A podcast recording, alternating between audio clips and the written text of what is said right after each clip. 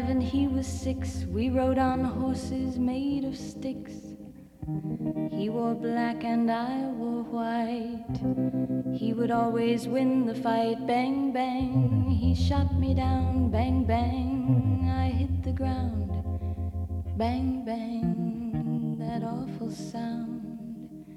Bang, bang. My baby shot me down.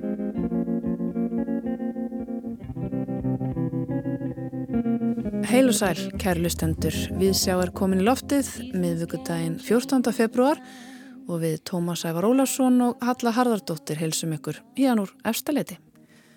Það eru segjandi tónar sem heils okkur í dag á degi heilags Valentínusar Bang Bang eftir bandaríska tónlistamannin Sonny Bono hér í vinsalum flutningi Nancy Sinatra.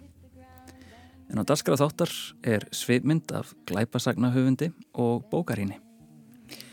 Eva Björg Ægistóttir hlaut á dögunum Blóðdrópan, hinn íslensku glæpasagnaverlun fyrir bókina Heim fyrir myrkur. Bókin er hennar sjötta glæpasaga á jafnmörgum árum. Eva Björg er fætt og uppalinn á Akranessi og kemur heimabærin mikið við sögu í hennar skaldskap. Hún hefur fengist við skriftir frá unga aldri en bjóst þá ekki við að verða reytuundur, lærði félagsfræði og afbrótafræði í Háskóli Íslands áður en hún gaf út sína fyrstu bók. Meir um það hér á eftir. En við hefum þáttinn á bókaríni Lífið er staður þar sem bannað er að lifa eftir Steindór Jóhann Erlingsson kom út á haustdögum Sofía Auður Birgisdóttir tekunum við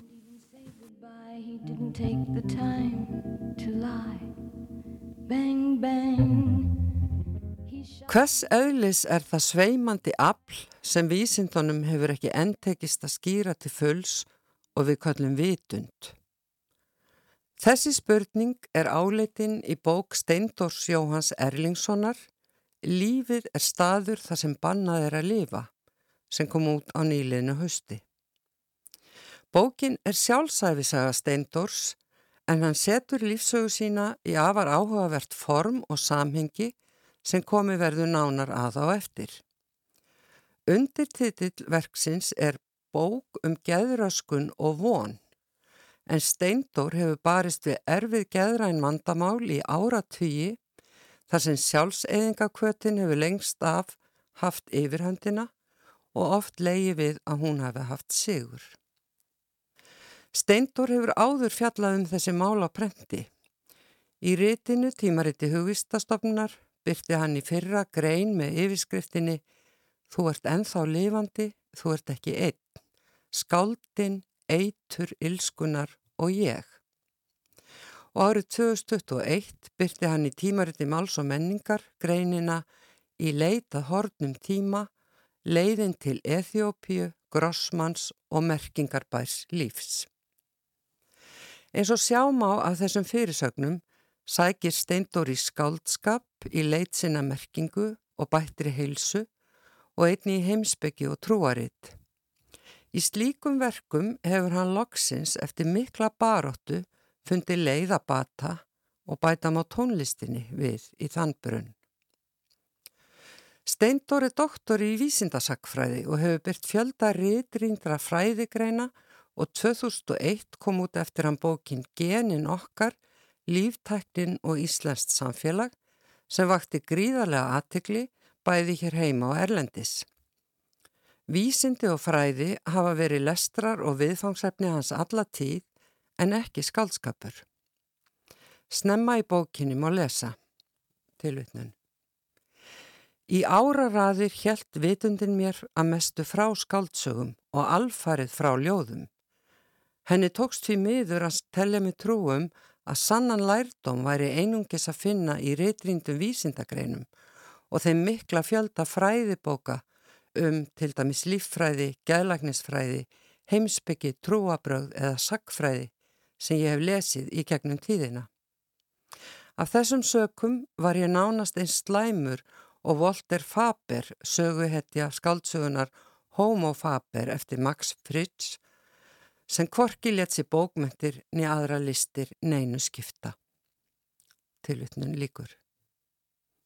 En það koma því að vegir Steindors lágu inn að lendur skaldskaparins og það var franski rithöfundurinn Albert Camus sem hjálpaði hannum að sjá ljósið.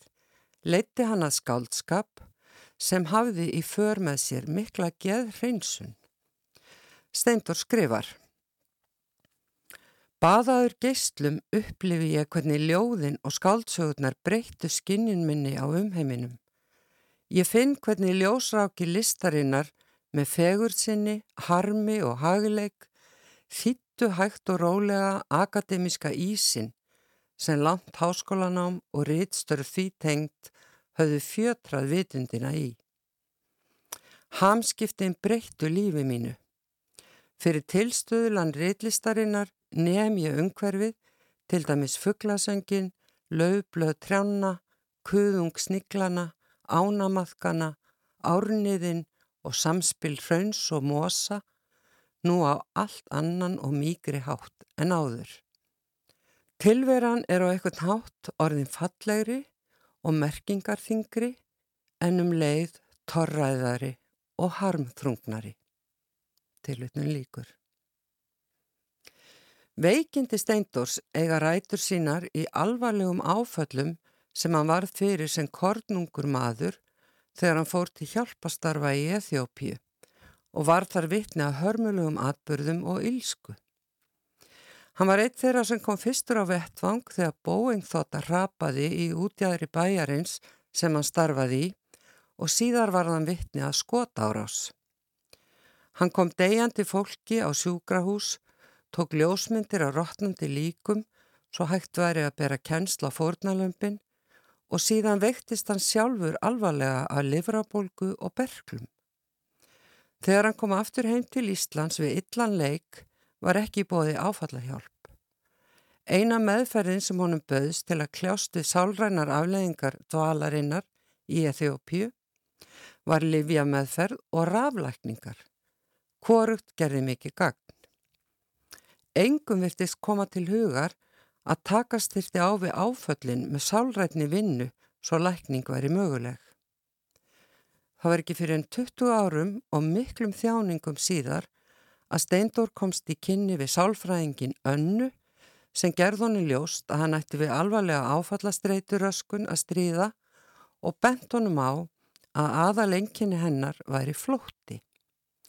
Hann skrifar Þá var ég með fyllilega meðvitaður um að ég sæti í loks anspænis mannisku sem skildi mig til hlítar því ég hef verið á stöðum flótta frá lífinu staðnum í ljóði Marínu Tsetsajevu síðan ég kom heim frá Eþjópíu. Vonin tendraðist við frásögn önnu en á sama tíma fann ég einni óþægilega tilfinningu krauma innra með mér þar sem átókust reyði og mikil sorg.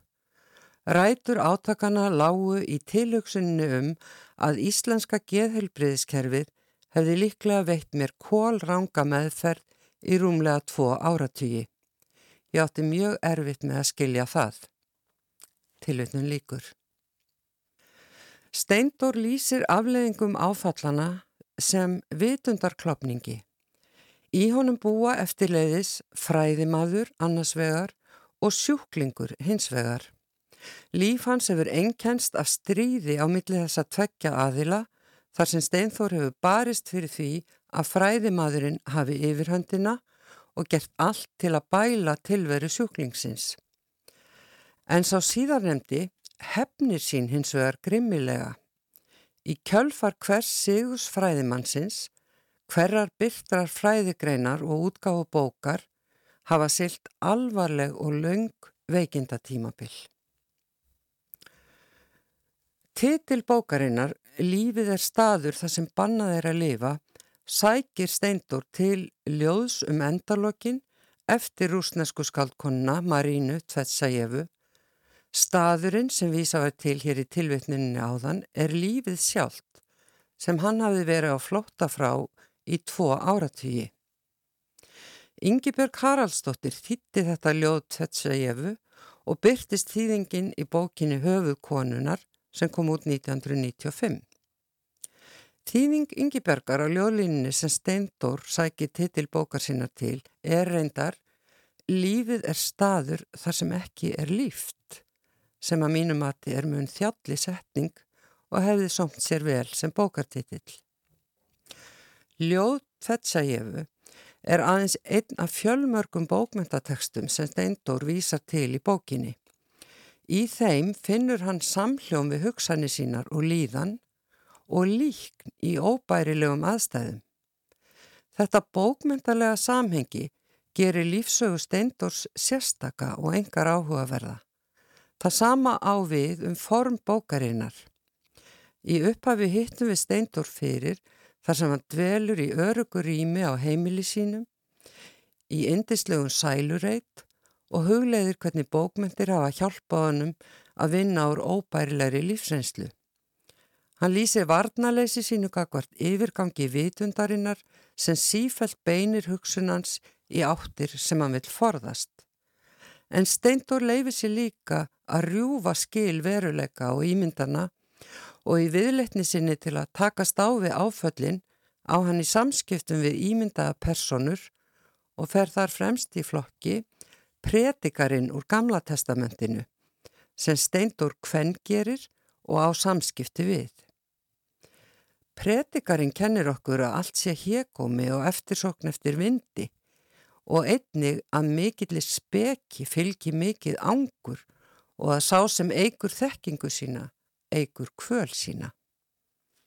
En predikarin hjálpar honum áleiðis í áfallavinnunni til undirbúnings æfisöguskrifana. Fleiri kaplan en þeir þar sem predikarin byrtist eru byggðir á ímyndun og hugarflugi. Steindur notar því skaldskapin ekki aðeins en smyrst á sálina heldur notar hann sjálfur skaldskapabröð við ritun bókarinnar. Hér í upphafi var spurt hvers eðlis hið sveimandi afl vitund mannsins er. Þótt þeirri spurningu sé vandsvarað er það næsta ótrúlegt að við séum ekki komin lengra en svo í skilningi okkar á vitund mannsins og í meðferð geðrætna vandamála að okkur yfirsjáist að rætur þeirra liggja oftar en ekki í alvarlegum áföllum sem livjagjafir og raflækningar megna ekki að yfirvinna. Svo staðreind að Steindór Jóhann Erlingsson hóf ekki samtalsmeðferð hjá sálfræðingi sem fólst í að takast á við hinn alvarlegu áföll fortíðarinnar fyrir en eftir áratöga gagslösar livjameðferðir kemur satt að segja óvart. Það að skáldskapur sé líknandi afl og feli sér lækningamátt kemur hins vegar síður á óvart en mætti minna oftar á líkt og bóksteindur skerir á svo áhrifaríkan hátt. Sofía Auður Birgisdóttir er indi hér í bók Steindors Jóhanns Erlingssonar Lífið er staður þar sem bannað er að lifa. En þá er það sveipmyndagsins. Eva Björg Ægistóttir hlaut á dögunum Blóðdrópan hinn íslensku glæpasagnaverlun fyrir bókina Heim fyrir myrkur Bókin er hennar sjötta glæpasaga á jafnmörgum árum en Eva Björg kom fyrst fram á sjónasviðið 2018 þegar hún sigraði í samkjæmninni Svartfuglin þar sem nýjir höfundar geta sendin handrit að glæpasögu. Sú bók, Marið í steganum, hlaut bresk glæpasagnavelun og hefur verið þitt á nokkur tungamál. Eva Björg er fættu upp alin á Akaranesi og kemur heimabærin mikið við sögu í hennar skálskap. Hún hefur fengist við skriftir frá unga aldri en bjóst þó ekki við að verða rítvöndur. Hún lærði félagsfræði og afbrótafræði í Háskóla Íslands áður hún gaf út sína fyrstu bók en það alla tíð haft brennandi áhuga fólki, aðstæðum þeirra og forsugu sem oftar en ekki er kveikjan að hugmynd að glæp. Eva Björg kom með nokkulegu farteskinu og setur fyrsta læð á fónin.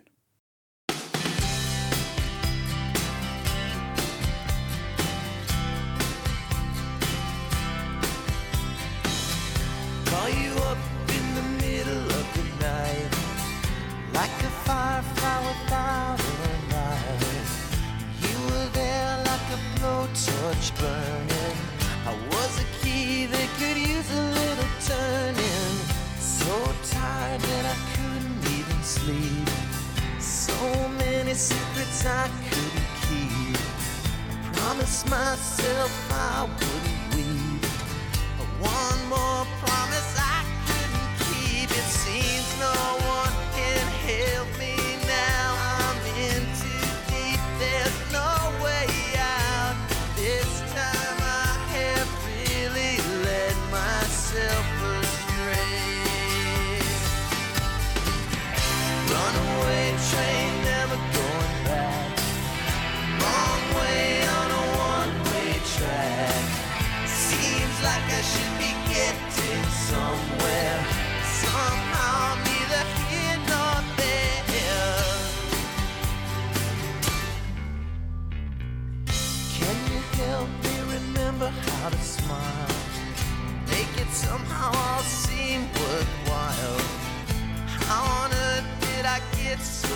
it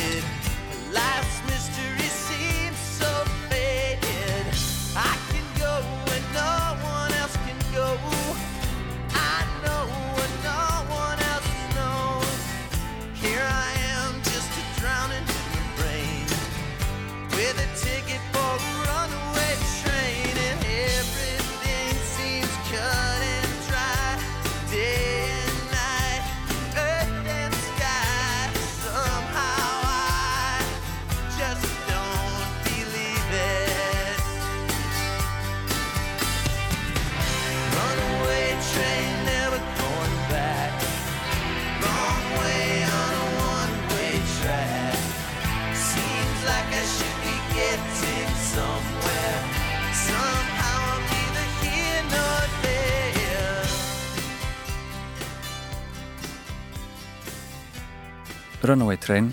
Það er hljómsveitin Soul Asylum sem flytur. Eva Björg, velkomin í þáttinn. Takk fyrir. Og uh, þú komst með þetta lag í farteskinu mætti ég spyrja hvað sveina? Herri, ég er búin að vera að hlusta á það bara svolítið upp á síðkasti og ég man alltaf eftir hérna myndbandinu við þetta lag. Þetta er sem sagt hérna í myndbandinu eru sínd uh, ungmenni í bandarækjanum sem eru tínt og, og mér fannst allt svo áhugavert sko að svo uh, komið ljós að sum hafa komið heim önnur hafa ekki fundist og sum hafa fundist myrt. Þannig mér fannst alltaf, þetta var svona greip með alltaf þetta myndband sko. Mm -hmm. kannski sakamála höfundurinn í mér. Einmitt. Um, Hlustar það mikið á tónlist þegar þú skrifar? Nei, ég hef ekki, ekki neitt sko. Ég þarf eiginlega að hafa bara alveg þögn í kringum með því að skrifa. Mm. Ég hlusta tónlist til leip Manstu svona cirka á hvaða aldrei þú varst þegar þú sást þetta myndband? Ég er að reyna að staðsetja þetta í tíma þetta lag Alltaf ekki verið á, þú veist, pop-tv, hvernig var það?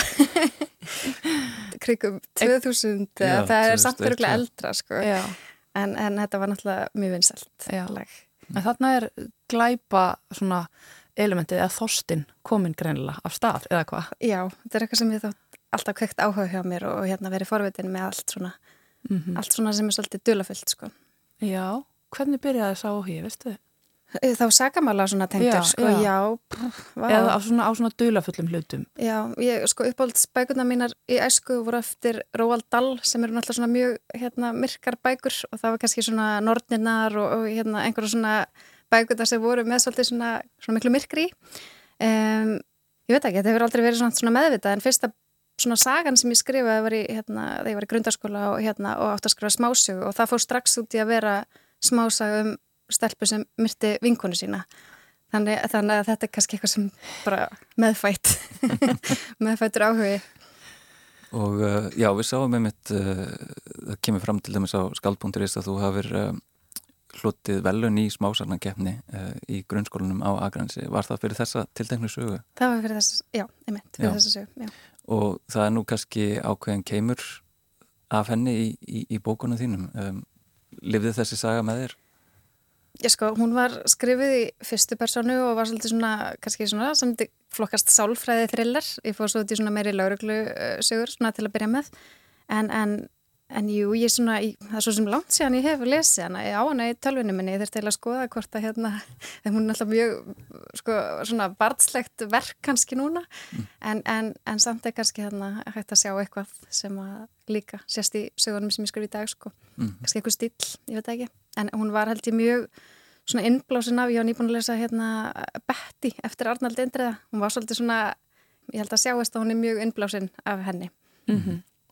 Hvað ertu gömur þarna þegar þú færði þessi velun? Uh, 15 Já. Já. Og bara vissur þú nákvæmlega hvað þú vildi gera? Nei, sko ég þú veist, ég hafði alltaf verið mikill lestrarherstur, bara las alltaf rosalega mikið sem bann og byrjaði snemma að lesa uh, bækur og, og var líka svona að leika mér að skrifa, ég var alltaf að skrifa dagbækur og skrifa kannski svona byrjað á sögum en kláraði aldrei neitt og þarna, og þarna kom þessi keppni og hérna og ég manna ég settist niður og, og ég skrifaði hana bara á þú veist einu með tveim kvöldum og fann alveg á þetta þú veist kemur auðla fyrir mig. Þú veist þetta, var, þetta kom svona gott flæði strax. Þannig ég hugsaði alveg já þetta er eitthvað sem ég ætla að gera setna og hérna en ég menna þú veist svo náttúrulega hérna fenn maður í skóla og alls konar gerist og, og ég var alltaf svona skrifa. En það erfið er sko við skriftir er að halda sig við sama efnið og klára það. Mm. þannig að það gerist ekki rauninni fyrir svolítið setna sko. Mm -hmm. en þarna vissi ég að mér langaði einhvern tíma að prófa að skrifa bók en svo er það náttúrulega alltaf að skrifa bók og vera rítöfundur og geta unni við það sko En sástu fyrir þar og gætir orði rítöfundur og unni við það? Nei, það var einhvern veginn aldrei hugsin hjá mér að, ég veit ekki, að kalla mm. mig einhvern rítöfund og, og, og líka sko að þegar maður býr á Íslandi og, og þegar maður svona fór að skoða en setna þá er erfitt að lifa við skriftir á Íslandi. Þú ert náttúrulega hérna með mjög lítið samfélagi hérna og, og ef þú ert að selja mjög vel á Íslandi þá ertu samt held ég að í algjöru harki sko. Mm -hmm. Þannig að hérna þetta var eitthvað sem ég sá ekkit fyrir mér að geti orðið aðal starfið mitt sko. Og hvaða praktísku leið ákastu þá að fara svona í millitíðinni? Bara, ég ákvaði ekki neitt sko. en ég hérna náttúrulega var bara held ég mjög heppin. Ég hérna sko fæ strax aðna, eða þú veist vinna þessi velun fyrir Maríi stegunum sem er fyrsta bóki mín eh, sem heit, heita Svartfuglin og Irsa og hérna Ragnar voru með og með því fylgdi umbásmaður og þetta var náttúrulega heimur sem ég þekkti ekki neitt og vissi ekki eins og maður þyrti umbásmaður til að komast eitthvað erlendis. En, en það er þess að þannig að maður þarf um, umbóðsmann til þess að hérna, senda handreitin manns til útgáðu fyrirtækja Erlendis. Af því að náttúrulega annars væri því líkt magnaf handreitum sem að hérna, þau kæmust aldrei yfir að lesa. Þannig að hann er svona ákveðin mittilegur og ég fekk rosalega fínan hérna breskan umbóðsmann sem að hérna komir einhvern veginn strax bara af stað og þetta gerðist bara rosalega fljótt og ég gætt einhvern veginn, ég sest, eh, skrifaði fyrstu bókina mína þarna þegar ég var ólétt og, og, og hún kom út í sama mánuði og ég fætti bann og ég fór í fæðingarlöf og svo var þetta bara komið af stað þannig að hérna, eins og ég segi bara mm -hmm. með náttúrulega kannski hefni og, og alls konar sem spilar inn í sko. Mm -hmm. Og uh, hvað svona verður síðan til þess þannig um, að meðan þú ert ólétt og þú ert að skrifa þessa fyrstu bók uh, hvað rindur þessu handriti að stað að, að skrifa það og klára það í rauninu? Já, þetta var einu bara smá þrjóskar, sko, ég, eh, náttúrulega, ég, mér fannst ég þurfa að menta mig og fór í, hérna, eh, BA-nám og fór svo út í mestranám og svo kláraði ég það. Þá hugsaði með mér, já, nú verði ég að klára þessa bók sem ég ætla alltaf að klára og komin með námið og allt, sko, þannig að, hérna, Þannig ég setts bara niður og, og, og, og byrjaði og fekk hérna vinnu sem flugfræð sem gerði mér svolítið klifta hérna, þetta ég var með töp börn á þessum tíma og þá gerði mér klifta hérna vinna á virkum dögum þegar þau voru leskólulis, ég veit ekki hvort ég hefði annars náða að klára þetta á kvöldin. Ég er ekki, ekki mikil hérna kvöldmanniska sko, en ekki, kem ekki miklu í verk þá, eh, en, en þarna gæti ég svona samtvinna þetta svolítið og kláraði bókin alveg á undir ári. Og svo var það henni eh, ritthundur sem ég var eitthvað að skoða og lesa mikið á þessum tíma, þú veist, hún hafi gefið út bók fyrir þrítugt, þannig ég var eitthvað með einn staðræðan ég að gera það líka. Klára þetta fyrir þrítugt, þannig að þetta var bara samblanda einhverju svona þrjósku og hætti ekki, sko, já, já ég, allavega, það tókst. Mm -hmm. Og þegar þú er komin síðan af stað svona inn í, inn í glæparsöguna um, og sá áhugið er kviknaður, uh, þau fyrir kannski örlítið tilbaka. Uh, hvaða höfundar er það sem að þá fylgja þér sem þú ert að lesa og, og svona, kannski þá byrja þig saman Já, það er alltaf mjög erfitt að svara, svara þessari spurningu. Ég, sko, ég les vola mikið og það hefur breyst svona í gegnum tíma, eða svona ákveðin tímabill Þú veist, ég náttúrulega lasi þess að íslensku höfunda svona í æsku, úlingsárunum lasi mikið Arnald og Irsu og hérna og svo tók ég svona gott Kamilu Lackberg tímabill og þú veist, allt svona. Þessir svona kannski skandinavísku höfundar Stíg Larsson auðvitað og, og hérna mjög margir sko, en svo fór ég svolítið líka í að, svona kannski á setna árum að lesa meiri svona, kannski breska og bandaríska hérna, svona meiri sálfræði þreilera sko, um, mjög hefina Gillian Flynn og Lisa Jewell já, þannig að þetta er svona kannski sambland af alls konar, það er bara mismunandi hvað hérna, heila með okkur um tíma, ég aldrei verið þannig hvorki með tónlist nýja höfunda að ég er först í einhverjum einum, en það er rosa margir sem hafa haft einhvers konar áhrif. Mm -hmm. Mm -hmm og uh, við kynnumst í fyrstu bókinni, Mariði Steguna, þar kynnist við henni Elmu, lauruglukonu á Akranessi og hún heldur síðan áfram svona í gegnum þinn bókaflokk að miklu leiti uh, hvernig, hver, hver er þessi manneski og, og, og hvaðan kom hún? Já, hún er Elma. Hún er góð vinkona. Ég, hérna, sko já, ég hún er náttúrulega hérna af skaganum eins og ég. Og svipum aldrei og ég um, svona þegar bækuna byrja. Og hún hefur flutt í burtu og, og flyttur hérna aftur eftir ákveð svona áfall í svona persónulega lífi. Þannig að þannig að mér fannst svolítið gott að hafa svona að því að Akranis er náttúrulega bær og ég, náttúrulega ólstatna upp sjálf. Og ég held maður þurfa ákveðina fjarlag frá bænum til að sjá hann á annan hátt kannski. Og ég held að kannski margir sem búa þarna alltaf, kannski upplöðu það ekki, ég er náttúrulega með alla fjölskyldana mína þarna og margir hafa búið þarna alltaf og finnst hverkið betra að búa. Og, og það er náttúrulega rosalega gott að búa þarna. En, en mér fannst gott að gefa Elmi svona svolítið svona, hvað sem er svona, svona, þannig að hún hefur svona smá svona utan, hvað sem er, utan aðkomandi augu líka. Mm. og hún er svona vonandi að þroskast í gegnum sögurnar. En hún er kannski líka svona ekki, þú veist að því maður búin að lesa endalust af hérna skandinaviskum sögum þar sem maður vart með mjög svona, svona eldri mann sem að glýmir oftast við einhvers konar áfengisvandamál og er rosalega skemmtur sko. Þannig að mér langaði að gera bara svolítið svona, hún er svolítið svona helsteift manniska þó hún hérna sé að glíma við þetta áfall sem kemur í ljósann í fyrstu bókinni. Þannig að hérna ætlum sé ekki bara svona frekar svona stelpan í næsta húsi líka sko, samt. Já, mér finnst það einmitt mjög hræsandi um, að lesa einmitt um, um svona fre- fremur skýra mannesku mm uh, með við einmitt annan kannski kall sem hefur fengið að ráða eins og að minnist á. En uh, ég tók einmitt eftir því um, þú hefur sagt í, í vittalunum að þú hefur verið mikið á bókastafni Akranis og að svona hálfpartin búiðar og, og, og það kemur líka lítir klefsa úr lífi Elmu einmitt í, í marinu í stegunum að, að það sem hún segist á að búið svona á bókastafninu og, og þá fór ég að velta fyrir mér ert að, ert að setja mikið að sjálfriðar inn í Elmu eða svona hvar, hvar sektor og hvar, hvar ræðar inn Ég set náttúrulega ákveðna hluti á sjálfur mér inn í hana og inn í skoðanir kannski líka ímissa persóna en svo passa ég alltaf samt að hafa líka eitthvað sem að aðskilum mig alveg frá henni sko. Ég er jafnvel meira að setja minni sko, hérna, eh, sko vondu persónunar hann að því að þar koma ímis svona kannski svona bannar skoðanir fram, þú veist, ekki, kannski ekki að sjálfur mér en þú veist, maður týnir einhvern veginn alltaf til ímislegt frá sjálfur sér og maður setja það í alls konar persónur, þú veist, enginn þeirra er ég. Þannig að hérna, já, þetta er náttúrulega þessi ómulegt að skrifa bók og setja ekki eitthvað sjálfur sér í bókina, sko. En það er auðvitað mikið af agranissi í bókunuðinum. Segð okkur hans frá því bara hvernig var að alast þarna upp. Þetta er örglega ekki sami bær og byrtist okkur í bókunum, eða hvað? Nei, já, sko, jú, mér finnst ég svolítið först einmitt í Akranessi svona minnar æsku og hann hefur breyst, Akranes hefur breyst töluvert síðustu ár, hann ætla að stækka íbjóðfylgdi aukist rosalega. Þegar ég var allast upp, voru kannski fjögur 5.000 manns og ég held að það komið upp í sko melli 8 og 9.000 núna þannig að þetta hefur stækkar rosalega á fáum árum. Og, og eins og ég segi, margt, margt breyst en ég er einhvern veginn alltaf först í gamla Akranes og sé alltaf Akranes fyrir mér þannig. Eh, þannig að ég er ekkert að hengja mér rosalega mikið á einhverjar breytingar sem hafa horfið annað þó að ég svona minnist ofta á það í bókunum sko, búið að rísa hverfi hér og það er það sem áður voru sko tún og hestar og hérna. Þannig en, en það var rosalega gott að alast upp á Akranesi. Og mjög gott að hafa einhvern veginn alla fjölskylduna í kringum sig, alltaf geta hlaupið á milli og, og það er alveg svona forréttindið finnst mér, ég er náttúrulega bý í Reykjavík núna, bý í Vesturbænum sem ég finnst samt svona fanga svolítið svona smábæjar stemminguna. En já, ég samt pyrra mig alltaf á hvað er langt að kera á milli. Þetta er kannski svona aðgrannar símanni þú veist, bara í svo vörni þurfa að hérna, kera í mestalagi þrjár mínútur til að komast til mismunandi staða sko.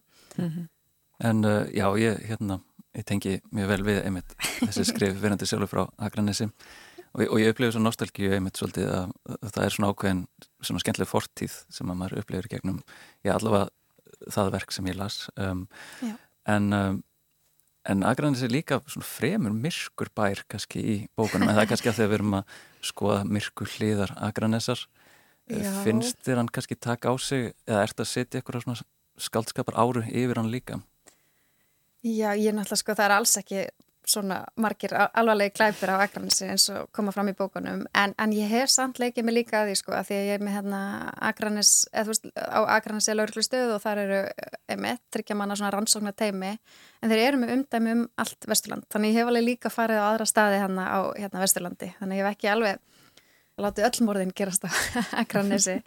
En, en sko það sem er kannski helst er að leika sér með í svona eh, smábæjum og þetta er náttúrulega vinsalt kannski þema í hérna í svona uh, sakamálasögum að vera með litla bæji og lítil samfélög af því að, að því að það er svo áhugavert sko að hérna að þessi hugmyndum sko allt sem að svona er að gerast undir yfirborðinu á einhverju sem lítur svona vel út uh, og, og svona að og þú heldur að þú þekkir svo vel fólki kringum þig en svo er eitthvað að gerast sem að sem að þú veist ekki um sko. þannig að það er þessi hugmynd sko, og mér finnst það mynd gaman að leika mér með mismunandi sjóna með í hjá þessum lauruglum sem ég er með, sko, ég er með Elmu sem er alveg uppatna, flýtur í burt og kemur aftur. Svo er ég með Hörð sem er kannski svolítið hérna, byggður á bara ömmum mínum og, og mínum fóreldrum sem er alveg sko, hafa alltaf búið Akranesi og sjá ekkert sko slæmt við Akranes og bara hérna og hvergi betra búa og hérna fuss og svega í hvað skipt sem það kom í bæinn sko Þannig, hérna, og svo er ég með hérna, Sævar sem er alveg aðfluttur og það er kannski líka svolítið svona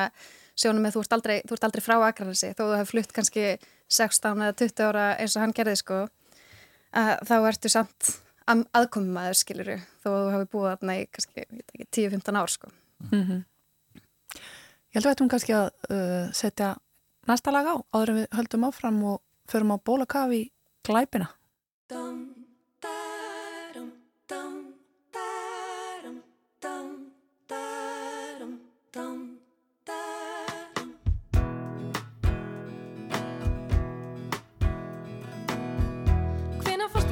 Síðast í hláturskast?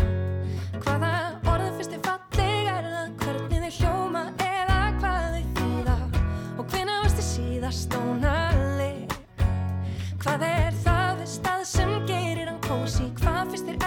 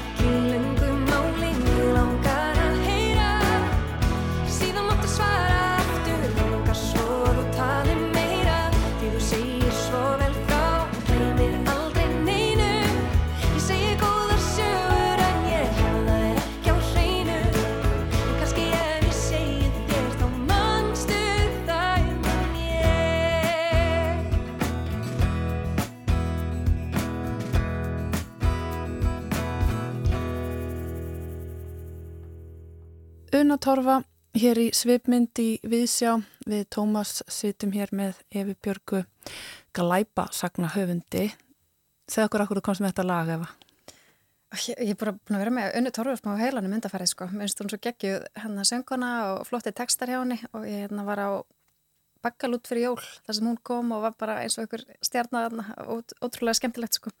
Já, ég er bara búin að vera mjög reyna hann upp á síðkastið sko. Ég mikið lust á hana.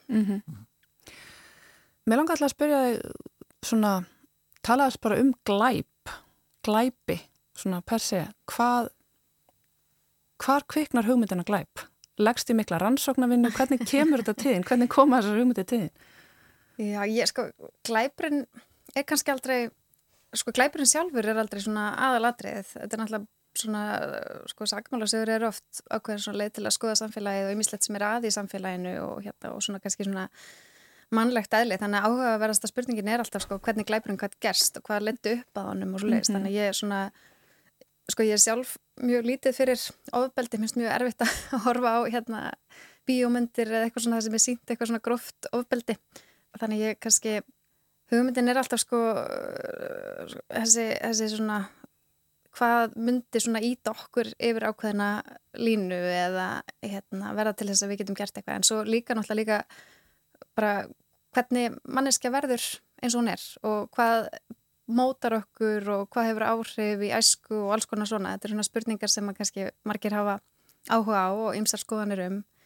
En, en þetta er hérna, ég kannski þetta er líka bara minn bakgrunnur, ég var í hérna, tók í félagsfræði og tók afbrótafræði og, og skrifaði hérna rittgerðina mína hjá honum Helga Gunnlausunni afbrótafræðingi og hún var að mynd um fanga og, og hérna endurkomur fanga og svona hvað svona já, uh, allt tengt þessu sko, þannig að ég hérna held að uh, þetta er allt svona spurningar sem að, er, eða þú veist, allt svona kannski eitthvað sem er svolítið góð grunnur fyrir þessa sagamálasögur sem maður er að, að, er að skrifa, af því að þær eru fyrst og fremst um þetta einmitt. Mm -hmm.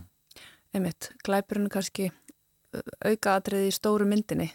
Já, glæpurinn sjálfur sko, Já. En, en mér finnst mjög gaman að kafa svolítið djúft í hérna, personur og, og hérna og, og kannski að því að, því að saga verður ekki áhugaverður nema að sé sko og, og kannski raunsa nema maður gefi eh, svona út, eða þú veist búið til ákveð svona trúverðuleika í atbyrðarásinni þannig að fólk þarf náttúrulega að skilja líka og, og kannski svona finna til svolítið svona já ég skila þetta gætt gerst og ég skila þessi brást svona við ég held að mm -hmm. það sem miklu áhugaverðar heldur en kannski einhver ég veit ekki, einhver eh, klikkaður aðali sem að drefur alla og, hérna, og er ekki með neina svona baksögu sko það er kannski svona minni, minna á mínu sviði. Þannig að þín glæpasa byrjar frekar í svona að kafa í persónasköpununa. Já, eiginlega og hérna þetta er oft, oftast einmitt svona meira kannski svona fjölskyldu drama einhvers konar sem að ég er að, er að skrifa um. Hmm. Uh, Atbyrður ásins sjálf síðan uh, í gegnum bókina þegar þú ert svona búin að já, finna personunar, uh, hvernig, hvernig kortleikur það sem gerist? Já, Þetta er nefnilega sko, hérna, ég bara vildi óska, ég væri hérna svona reytöfundur sem gæti skrifað bara stutt uppkast eða ákveði fyrirfram hvað gerist. En, en í rauninni er ég sko mjög óskipulögð og, og mér finnst mjög erfitt að ákveða eitthvað fyrirfram. Þannig ég er alltaf svona að að skrifa í blindni alveg bara framundir, já, miðja bók eða meira sko. En svo núna er ég að komin með meira en hálfa bók og ég veit ekki alveg ennþá hvernig hún endar. Að því mér finnst ég einhvern veginn þurfa að skrifa mig í gegnum það. Ég þarf að skrifa um personar og ég þarf að skrifa um einhverja atbróðar ás og svo, og svo átt að ég má hvað gerðist og hvers vegna. Þannig að það svona fyrsta uppkast að mínum bókum er mjög svona óreðu kent og ég held að enginn myndi skilja það ef hann myndi lesa það svona uppæðin að því að svo þarf ég að fara tilbaka og aðlaga einhvern veginn alla atbyrður á svona að endinum ég er búin að reyna mjög mikið að, hérna, að því ég held að þetta er því mjög svona þægilegt að geta kortlagt bókina byttur og, hérna, og vita nákvæmlega hvernig einhvern veginn fléttur verða og hvernig hérna, hún endar sérstaklega sko, e, að því að þá er þið miklu auðvöldar að skrifa, en að samanskapi væri það kannski meiri vinna, ég veit ekki, að, að vera einhvern veginn bara að fylla upp í eitthvað sem maður er búin að ákveða. Mm. þannig að þetta er allavega þannig að oft kemur ýmslegt á óvart sem gerir skrifin, skrifin skemmtilegri en, en að samanskapi er þetta svona oft þannig að ég sko er að reyta mér hárið og veit ekkert hvert ég ætla að fara. Og þarf að svona lenda mörgum punktum í bókinni þar sem ég þarf einhvern meina að svona, ég veit ekki svona íta mér áfram og komast yfir, yfir einhverja hjalla sko sem er oft mjög erfitt. Mm. Þetta hljómar er svo svona svolítið mikil vinna kannski. Að fara einhvern veginn já og, og mikil endurskrif en þú hefur samt verið að gefa út núna bók eiginlega á hverju ári síðan uh, fyrsta bók kom út 2018 hefur verið erfitt að halda þessu, þessu deadline? Venjulega hef ég skipt árun upp í svona okkur tíma beil. Það kom að það COVID árið sem að ég segi alltaf að þetta var versta eh, skriftarár. Þetta er kannski fint fyrir fólk sem átti engin börn og sem að hérna gáttu þessum mista skóla og leyskóla og leys. En þá náttúrulega koma allir á heimilið og maður fekk vola lítinn tíma til að skrifa. Þannig að það er eina árið sem ég hef átt í erfileiku með að hérna, skila á réttum tíma. En annars hef ég einhvern veginn samt náða hérna, já, skrifa bækurnar svona fyrir hlut árs. Uh, ég myndi alltaf vilja skilja hans fyrr en það er eins og það er og þetta hefur allavega tekist hinga til og hérna það maður bara kemur sér upp á hvernig rútinu maður kannski heppin líka að geta unnið við þetta af því að ég veit ekki hvernig það er þegar ég þurft að mæti vinnu mm -hmm. vennilega vinnu, svona dagstæglega og hérna og skrifa þá en ég hef svona stemt alltaf að því að vera tilbúin með bók svona fyrir sömarið sem að fer svo í alls konar lestra og eitthvað. Og hvernig er vinnudagurðin? Ertu með afdreip heima hjá þér eða ferðið út úr húsi?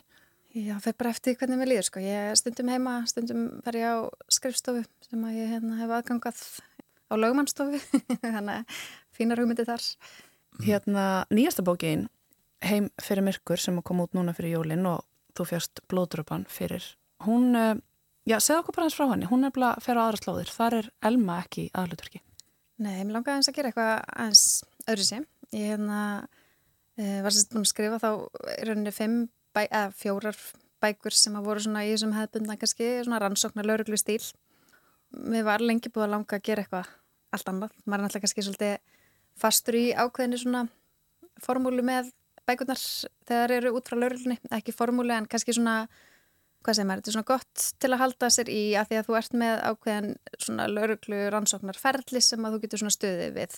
Að því að það þarf að gerast eitthvað upp af því, lauruglan þarf að koma að því og rannsaka það og þá ertu með svona ákveðið ákveðina grind sko. Þannig að mér langaði að prófa mig áfram einhverju allt öðru og leiða mig kannski að fara svona meira í miklu dýbri persónusköpun.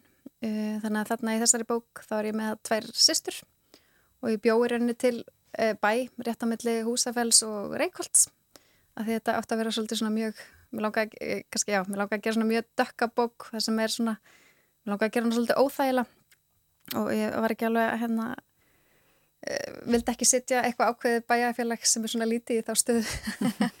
En já, þetta er þarna tvær sýstur og þetta gerist ykkur um 1960 og 70 og yngri sýsturinn sem byrjar að send, skrifast á við pennafinn, setur hún auglýsingu í blað eins og við gerðum örgla einhver tíman eh, ég veit ekki hvort fólk gera lengur auglýs eftir pennafinni en hún setur inn auglýsingu og fær svar og hún sagt, er að skrifa í nafni eldri sýstu sinnar.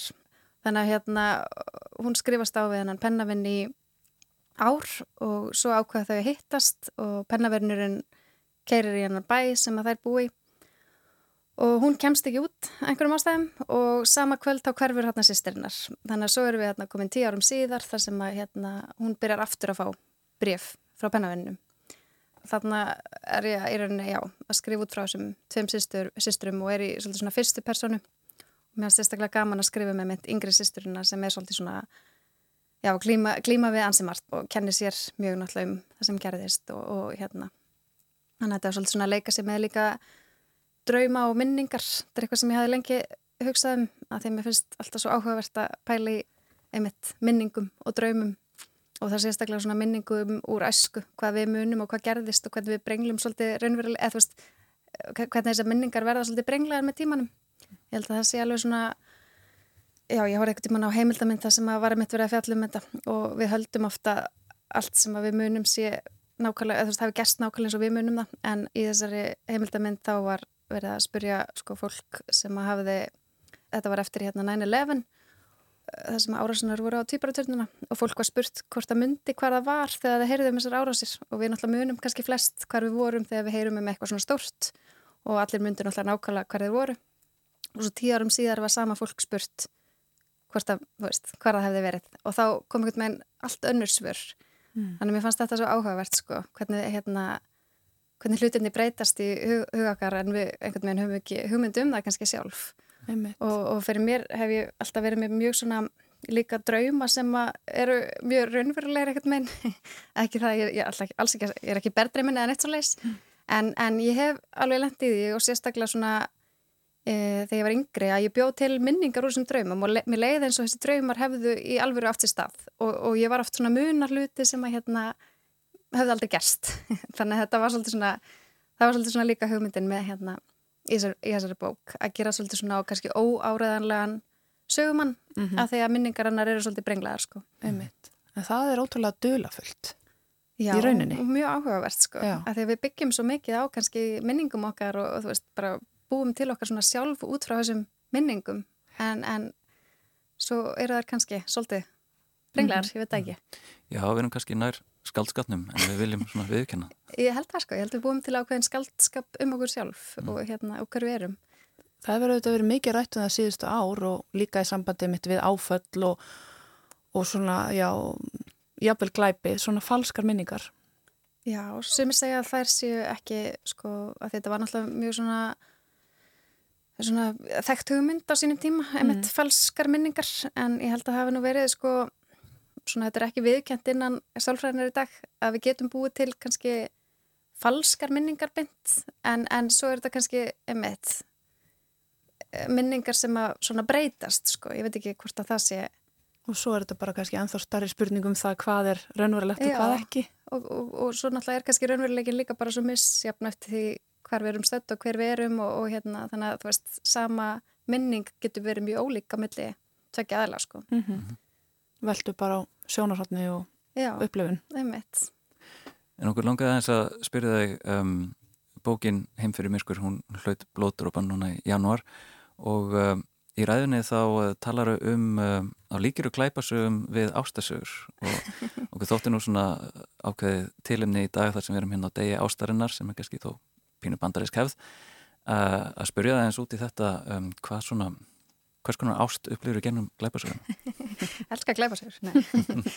Nei, ég held að hérna, sko, mér finnst alltaf þurfa að vera ákveðið mótvægi líka, sko, þegar maður er að skrifa svona dökkar sögur og, og þá þarf að vera líka, sko, uh, svona léttlegi við þeim, en, en það sem ég var kannski líka meina var bara að, hérna, að þetta eru svona kannski tvær yktustu tilfinningarnar sem við höfum, bara sem menn, sko, þú veist, þessi hatur og ást og það er hann alltaf haldast í hendur, því þú getur ekki hatað eitthvað án þess að hafa virkilega ást á einhverju, skiliru, þú veist, þannig að hérna þetta er nátengt og sérstaklega ef maður horfir á glæpina að þá eru þetta oftast glæpir sem eru kannski uh, hemd eða eitthvað svona eitthvað, eitthvað út af því að þú elskar einhvern sko. þannig ég held að það sé einmitt svona helsta kveikin ég er náttúrulega sjáum það bara á algengustu glæpunum eru náttúrulega bara á heimilum innan fjölskylduna eða para það sem þetta náttúrulega eh, helst í hendur kannski ekki, ekki mjög fallega ást þegar hún fyrir út í þetta en þetta er náttúrulega svona Eh, já, ég held að maður getur ekki orðið mjög reyður nefn að það sé eitthvað sem snertir mann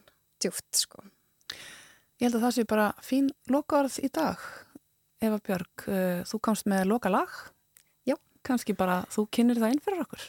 Herru, þetta er hérna uppáldið mitt. Ég er algjör svifti, sko. Ég elska Taylor Swift. Hérna, svona frekka nýtt tilkomið eftir að ég horfði á hérna, heimildamindina um hana, hérna Miss Americana og hérna, og hafði svo sem verið hrifna lögunum hennar áður. En ég er búin að hlusta á plötunennar hérna Midnight í alveg bara, já, ég held ég að veri sko ein, ein á topp hlustundurum á Spotify. Þannig hérna, og þetta er eitt uppáldslægið eh, hennar á, á þeirri plötu. Og ég er sérstaklega hrifun á svona textanum með mitt sem kemur inn á svolítið svona litla bæi eh, sérstaklega fyrsta erindið, takk eftir því He wanted a comfortable, I wanted that pain. He wanted a bride, I was making my own name, chasing that fame. He stayed the same, all of me changed like midnight.